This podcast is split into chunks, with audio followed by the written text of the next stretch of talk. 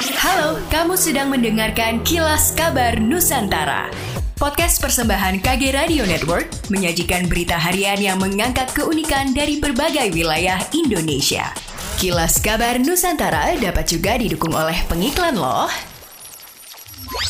Penuntasan kasus kematian Brigadir J atau Novrian Syah Yosua Huta Barat menjadi momentum untuk membangun kembali kepercayaan masyarakat terhadap Polri. Momentum ini diharapkan jangan sampai dilewatkan begitu saja. Presiden Joko Widodo menyatakan hal itu saat ditanya Kompas di ruang resepsi Istana Merdeka Jakarta minggu sore. Presiden menegaskan reformasi Polri harus terus dijalankan agar dapat memperbaiki sistem yang ada selama ini. Menurut Presiden Jokowi terkait kasus kematian Brigadir J tentu harus diungkap tuntas sampai ke pengadilan. Ingin belajar soal isu kesehatan mental? Sering merasa sendirian dan sulit dimengerti lingkungan sekitar soal perasaan kamu? Tenang, kamu nggak sendiri kok. Dengerin podcast Anya Menjiwa yang ngebahas seputar kesehatan mental dari lingkup pekerjaan, percintaan, hingga sosial. Persembahan Medio by KG Media dan Sonora FM di Spotify.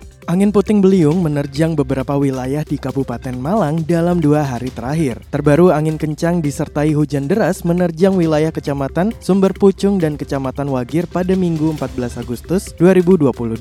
Kabit Kedaruratan dan Logistik BPBD Kabupaten Malang, Sadono Irawan, mengkonfirmasi angin kencang yang menerjang di Kecamatan Wagir terjadi di Desa Jedong, sedangkan di Kecamatan Sumber Pucung terjadi sekitar wilayah Karangkates. Sadono juga melaporkan jika angin puting beliung 14 Agustus kemarin tidak terlalu menimbulkan kerusakan masif, di mana di desa Jedong angin puting beliung mengakibatkan dua rumah warga mengalami kerusakan. Di sisi lain, Sadono juga menuturkan kerusakan yang cukup masif akibat angin puting beliung terjadi di desa Bono Agung, Kecamatan Pakisaji, Kabupaten Malang. BPBD Kabupaten Malang mencatat sebanyak 27 rumah mengalami kerusakan pada bagian atap yang terkena hembusan angin kencang. Terakhir, Sadono juga menegaskan kembali pihaknya besar serta jajaran terkait lainnya tengah mewaspadai anomali cuaca yang kerap terjadi saat ini, di mana pihaknya juga terus bersiaga untuk mengantisipasi dampak anomali cuaca tersebut dengan mengimbau warga agar juga senantiasa waspada dengan cuaca buruk dua hari terakhir ini. Total sebanyak 40 partai politik resmi mendaftarkan diri sebagai calon peserta pemilu 2024 ke KPU RI selama dua pekan pendaftaran dibuka sejak Senin 1 Agustus 2022 hingga Minggu